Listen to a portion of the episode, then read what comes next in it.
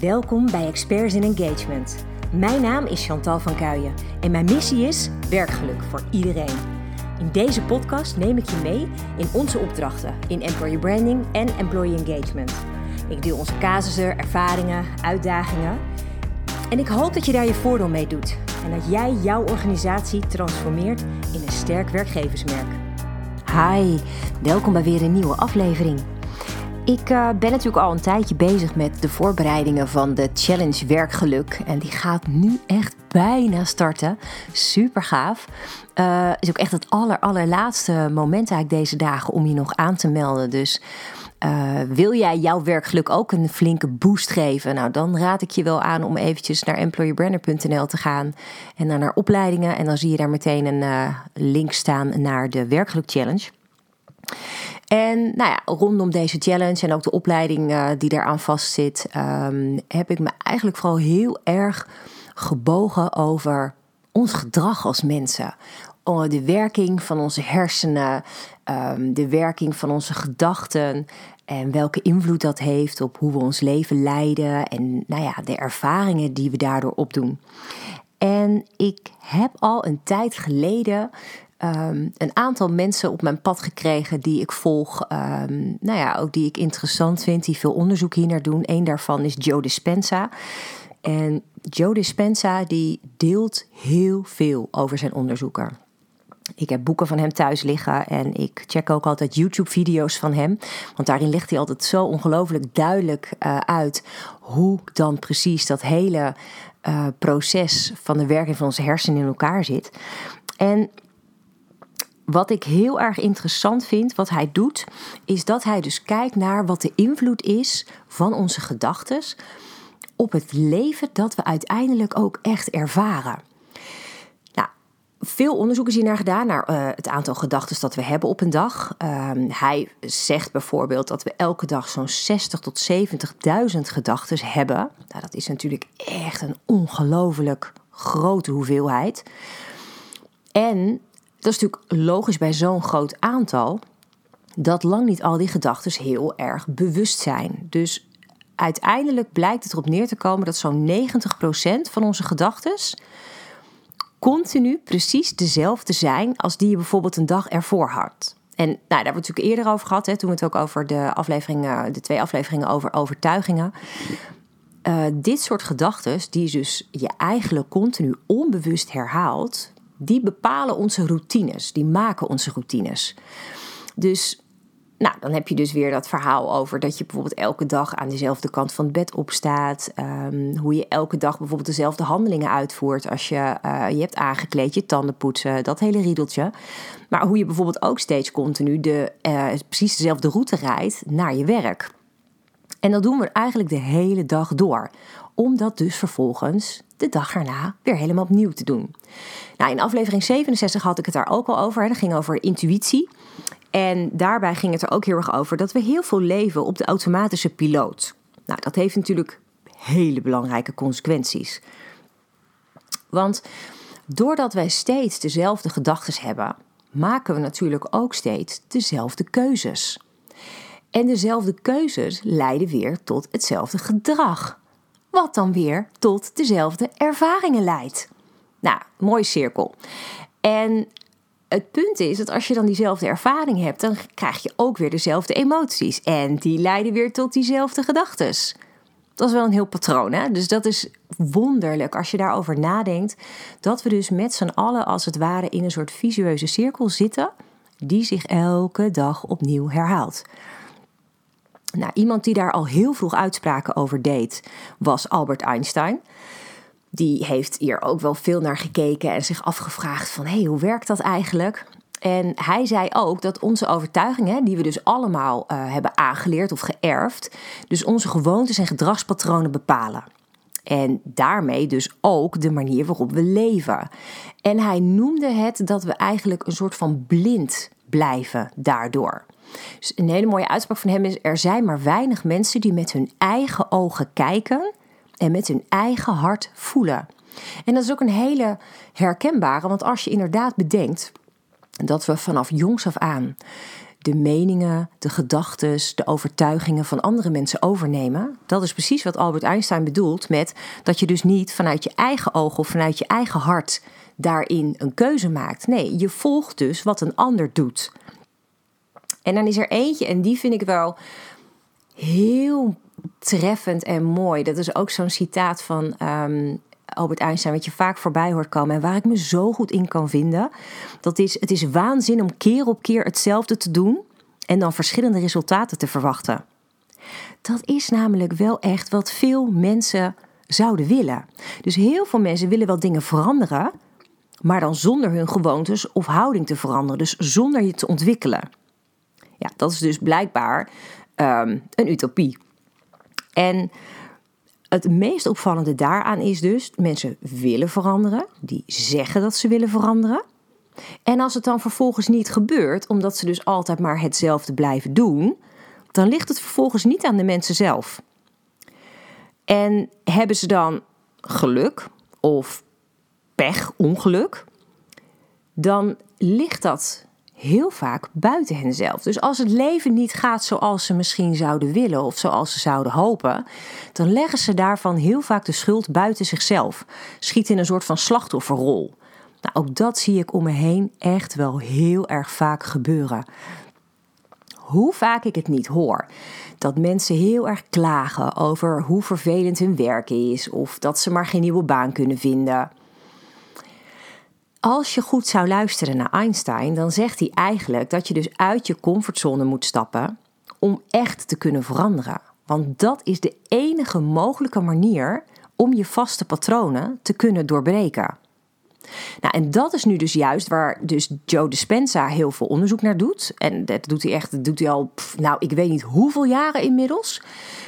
Maar hij checkt dus in welke mate de stappen die je buiten je comfortzone zet, ook echt een vast onderdeel van je systeem kunnen worden. Dus in hoeverre zijn wij dan in staat hè, om dus je overtuigingen, of die veranderingen zeg maar, echt tot nieuwe overtuigingen te laten komen. Dus hoe krijg je het voor elkaar om echt definitief te veranderen? Dus bijvoorbeeld inderdaad door nieuwe overtuigingen echt in je leven te integreren dat heeft een, een soort van ingewikkelde um, uh, uitleg misschien. Wat Joe Dispenza dan ook gelukkig wel heel erg helder kan uitleggen. Hij noemt dat neuroplasticiteit. En hij zegt dat is het vermogen van je brein om zich aan te passen en te veranderen als we nieuwe informatie leren. Dus ons brein is heel beweeglijk, is heel flexibel en kan zich dus aanpassen op het moment dat wij nieuwe dingen tot ons nemen. Dus wat je dan doet, is dat je je hersenen eigenlijk anders laat werken. Dat vraagt veel meer inspanning. daarom hebben we 90% van de tijd onze standaard gedachten. Omdat als wij 100% of meer dan 10% veel meer uh, bezig zouden zijn met onze hersenen echt prikkelen met nieuwe informatie, dan zou dat ontzettend veel energie kosten. Dus dat is wel een hele interessante. En ik heb het daar natuurlijk in aflevering 69 ook over gehad, hè, bij het ombuigen van je overtuigingen. Waar het om gaat is dat je je vaste gedachten doorbreekt. En als je dat lang genoeg volhoudt, dan doorbreek je ook je vaste gedragspatronen. Dat is natuurlijk wat je wil. Op het moment dat jij echt een bepaalde wens hebt om je leven te veranderen, dan is dat waar je naar op zoek bent. Nou, nu komt het, want dit, dit is wel interessant. Joe Dispenza die ontdekte namelijk dat tijdens um, alle onderzoeken die hij deed, dat mensen dus 28 dagen nodig hadden om nieuwe neuronetwerken aan te leggen. Dus je hersenen hebben 28 dagen lang die nieuwe informatie nodig om het te kunnen inprenten. 28 dagen lang moet je dus je nieuwe gedachten herhalen om dus nieuwe circuits in je hersenen te activeren. Maar dat vraagt dus wel heel veel bewuste acties van jou. Nou, en dat is dus een interessante, want daar hadden we het natuurlijk ook over met die affirmaties hè, in de aflevering over de overtuigingen. Um, wat is het hele verhaal? Je moet als het ware die nieuwe gedachten moet je laten inslijten in je onderbewustzijn. En pas als dat lukt, ben je in staat om er een nieuw patroon van te maken. En dat komt dan dus omdat je dus nieuwe bedradingen laat ontstaan tussen de zenuwcellen in je hersenen. Super cool hoe dat werkt. Als je erover nadenkt, hoe knap die hersenen dus in elkaar zitten. Wij kunnen als mens onze hersenen beïnvloeden. We kunnen ze maken.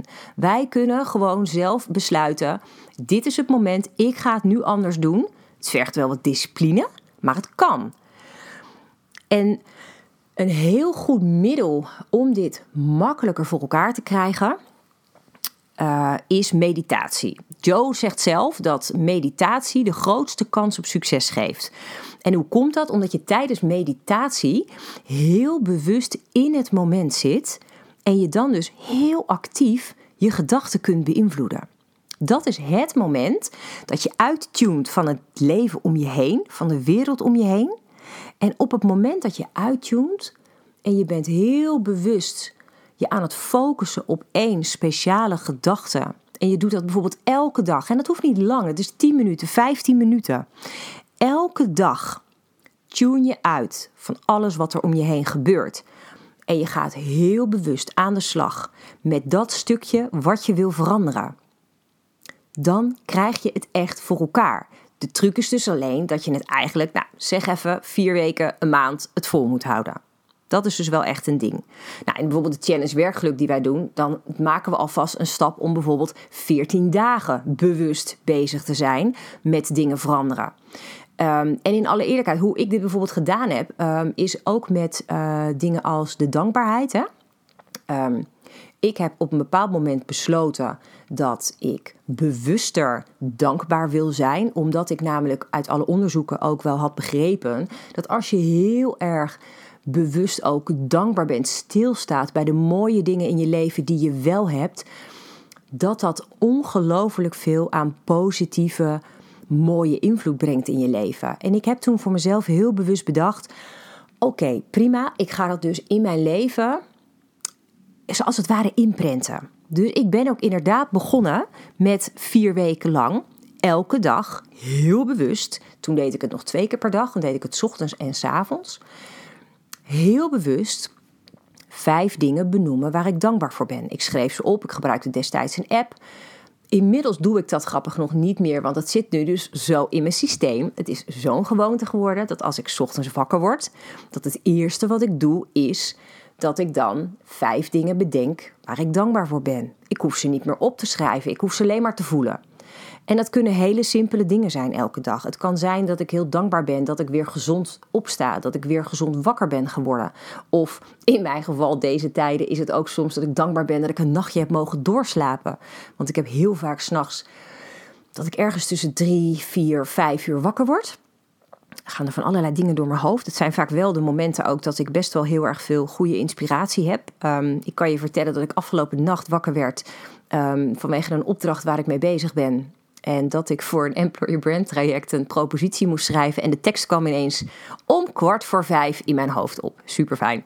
Maar goed, dat gebeurt dus heel vaak bij mij. En ik ben daar dan ook dus wel heel erg dankbaar voor. Ik denk dat ik nog even moet vragen ergens aan het universum of de inspiratie misschien ook gewoon overdag kan komen. Zou misschien ook wel handig zijn. Dat is nog wel een ideetje. Maar waar het om gaat is dat het voor mij dus een hele mooie was om op die manier voorzichtig te beginnen met zoiets in mijn leven op te nemen als vast patroon. En dat is het dus ook geworden. Hierbij geldt dus echt oefening baart kunst. Hoe vaker je het doet, hoe makkelijker het wordt. En ik heb heel erg gemerkt ook bij meditatie. En geloof me, ik ben daar niet elke dag even goed in. Want ik heb momenten dat ik zo vol zit qua gedachten, dat het zo druk is. Dat het me ontzettend veel moeite kost om echt even te focussen. Maar als je dit elke dag doet, word je er wel steeds beter in om te focussen. En wat ik bijvoorbeeld daar het meest ingewikkeld soms aan vind, is als je dan in meditatie zit, is om je dan niet continu te laten afleiden door allerlei gedachten die maar in je hoofd opkomen. Wat daarbij bijvoorbeeld heel erg kan helpen in het begin is, bijvoorbeeld, ik kon in het begin bijvoorbeeld niet meteen stilte meditaties doen. Zo, dat was echt confronterend. Een stilte-meditatie betekende in mijn hoofd dat er wel duizend stemmen tegelijk begonnen te kletsen. Dat was dus niet een optie. Dus wat heb ik gedaan? Ik ben begonnen met geleide meditaties. Nou, daar heb je een heleboel goede voorbeelden van. Een heleboel goede um, type meditaties uh, in het Nederlands en in het Engels. Wie dat bijvoorbeeld in het Nederlands uh, heel goed kan doen is Michael Pilarczyk. Die heeft natuurlijk zijn eigen app Meditation Moments. Um, en daarbij kun je ook kiezen bij allerlei type um, meditaties waar jij op dat moment behoefte aan hebt. Heb je behoefte aan um, ontspanning of heb je juist behoefte aan focus? Uh, dus daar kan je allerlei dingen in kiezen. En dat is dus in het Nederlands. En dat is heel fijn voor de mensen die dat het meest prettig vinden. Ik zelf luister eigenlijk meer, nee, bijna alleen maar Engelstalige meditaties. Um, en dan vind ik bijvoorbeeld de meditaties van Calm vind ik heel fijn. Die hebben ook een eigen app en die kun je ook um, gratis via YouTube vinden. Um, ik vind bijvoorbeeld ook uh, The Honest Guys vind ik ook echt onwijs fijn. En dat komt omdat die Honest Guys die hebben ontzettend fijne muziek onder hun meditatie. En die muziek helpt mij uh, om me dus te concentreren op wat ik hoor, op die muziek. En dat is voor mij het moment om um, helemaal even in dit moment te zijn. En dat is echt fantastisch. Joe Dispenza zelf trouwens geeft ook op YouTube hele goede meditaties. En wat hij uh, in zijn meditaties ook heel erg doet, is um, bijvoorbeeld een verbinding leggen tussen de werking van je hoofd en de werking van je hart. Dus um, van ratio naar gevoel en terug. En dat is echt onwijs interessant, want hij legt dus bij sommige meditaties, leidt hij hem eerst in, legt hij even uit wat dan het effect is van de meditatie en waarom dat zo is. En dan ga je ook op een hele andere manier al die meditatie in. Onwijs leerzaam. Dus YouTube is de laatste nou, ik denk twee, drie jaar mijn grootste vriend. Want daar haal ik de beste video's vandaan. Waar ik zo ongelooflijk veel van leer. En weet je wat het grappige is? Op het moment dat ik bijvoorbeeld soms een, een, een moeilijke dag heb, omdat het bijvoorbeeld heel druk is. Um, en ik gewoon aan mezelf merk dat mijn um, gedachten echt all over the place zijn dan heb ik er dus heel vaak wat aan om tussendoor heel even een YouTube-video op te zetten. Het hoeft soms maar vijf minuten te zijn. Er zitten fantastische vijf minuten meditaties tussen. Het kan ook soms zijn dat ik een korte video kijk die niet per se een meditatie is, maar die wel iets vertelt aan informatie. Um, bijvoorbeeld over de wet van aantrekking of over um, de werking van je hersenen. Um, dat, dat kan voor mij ook al helpen om eventjes dat relaxmoment te hebben. Om even uit te tunen van alle dagelijkse dingen. En gewoon te denken, oh ja, dit is ook echt super belangrijk. En ik vind het heel fijn om deze informatie te leren. Nou, en dat is wat ik heel erg eigenlijk aan je mee wil geven. Is op het moment dat je dit dagelijks tot een onderdeel van je routine maakt. Het maakt dus eigenlijk niet uit op welk moment je het doet, als het maar een standaard onderdeel wordt van je dag. En dan ben je in staat om wat nu misschien nog een drastische verandering lijkt, om die waar te maken. En ja, ik ben echt wel het levende bewijs van iemand die vroeger best wel geneigd was om altijd van het negatieve uit te gaan. Dat heb ik gewoon van huis uit meegekregen. En ik nou, dacht bijvoorbeeld, ik kan me heel goed herinneren in de tijd dat ik bijvoorbeeld studeerde. Dan had ik een tentamen gehad en dan ging ik er altijd vanuit dat ik hem toch niet had gehaald. En ik deed dat uit een soort van zelfbescherming. Omdat ik dan dacht, nou ja, dan kan het in ieder geval niet tegenvallen. Heb ik hem dan echt niet gehaald, nou, dan is dat zo. Terwijl ik dus later pas ben gaan ontdekken dat als je hem op een andere manier insteekt, als je ook kijkt naar de, de wet van aantrekking bijvoorbeeld, en je bent ervan overtuigd dat je het wel goed hebt gedaan en dat je het wel kunt, dat dan de kans ook zoveel groter is dat dat ook daadwerkelijk zo is. En dat wil ik je meegeven. Um, ik maakte een wandeling met mijn man en toen hadden wij het erover dat het zo jammer is dat zoveel mensen elke dag dezelfde sleur beleven, elke dag hetzelfde riedeltje afdraaien. En dat ze zich, misschien is het ook maar goed, maar dat ze zich dan ook niet bewust zijn van de fantastische mogelijkheden die je leven nog meer te bieden heeft. Het kan zoveel gaver worden nog. Als je maar durft te dromen, als je maar durft na te denken over: hé, hey, maar wat nou als ik dat zou kunnen bereiken? Ik geloof er heilig in dat je dat namelijk kan bereiken. Als je je mind ertoe zet, heb je de belangrijkste eerste stap gedaan. En dan is het gewoon zorgen dat je jezelf overtuigt. En ja, dan heb je daar misschien 28 dagen voor nodig om jezelf elke dag weer datzelfde te vertellen. Maar man, wat gaat dat een gave verandering in je leven brengen. Inspireert dit je en denk je van ja, dit wil ik eigenlijk ook wel. Ja, dan is het wel echt fantastisch als je nog mee zou doen aan de challenge werkgeluk. Want eigenlijk zetten we daarmee dus de eerste stappen. Omdat we tijdens de challenge een aantal verschillende opdrachten uitvoeren gedurende die 14 dagen. En je kunt dan bijvoorbeeld ook voor jezelf al ontdekken welk type opdracht jij prettig vindt. Wat past bij jou? Waarvan denk je, hé, hey, maar dat vind ik gaaf, dat ga ik na deze 14 dagen doorzetten. Welke maak jij tot die 28 dagen om het echt een vast onderdeel van je leven te maken? Dus meld je alsjeblieft nog aan. Ik zou het echt fantastisch vinden. Ehm, en dan hoop ik je tijdens de challenge te zien, te horen en nou ja, je mooie dingen te mogen laten ervaren. In elk geval nu super dank dat je weer geluisterd hebt. En ik wens je een fantastische dag nog. Tot snel. Ik hoop dat deze aflevering je inspiratie oplevert. Misschien is dit wel jouw nieuwe begin. De start van een sterk employer brand. Of optimaal werkgeluk voor jou en je medewerkers. Maar waar loop jij tegenaan? Welke vragen heb jij? Stel ze vooral via onze website employerbrander.nl slash podcast. Dan kom ik er graag op terug in een volgende aflevering. Tot snel!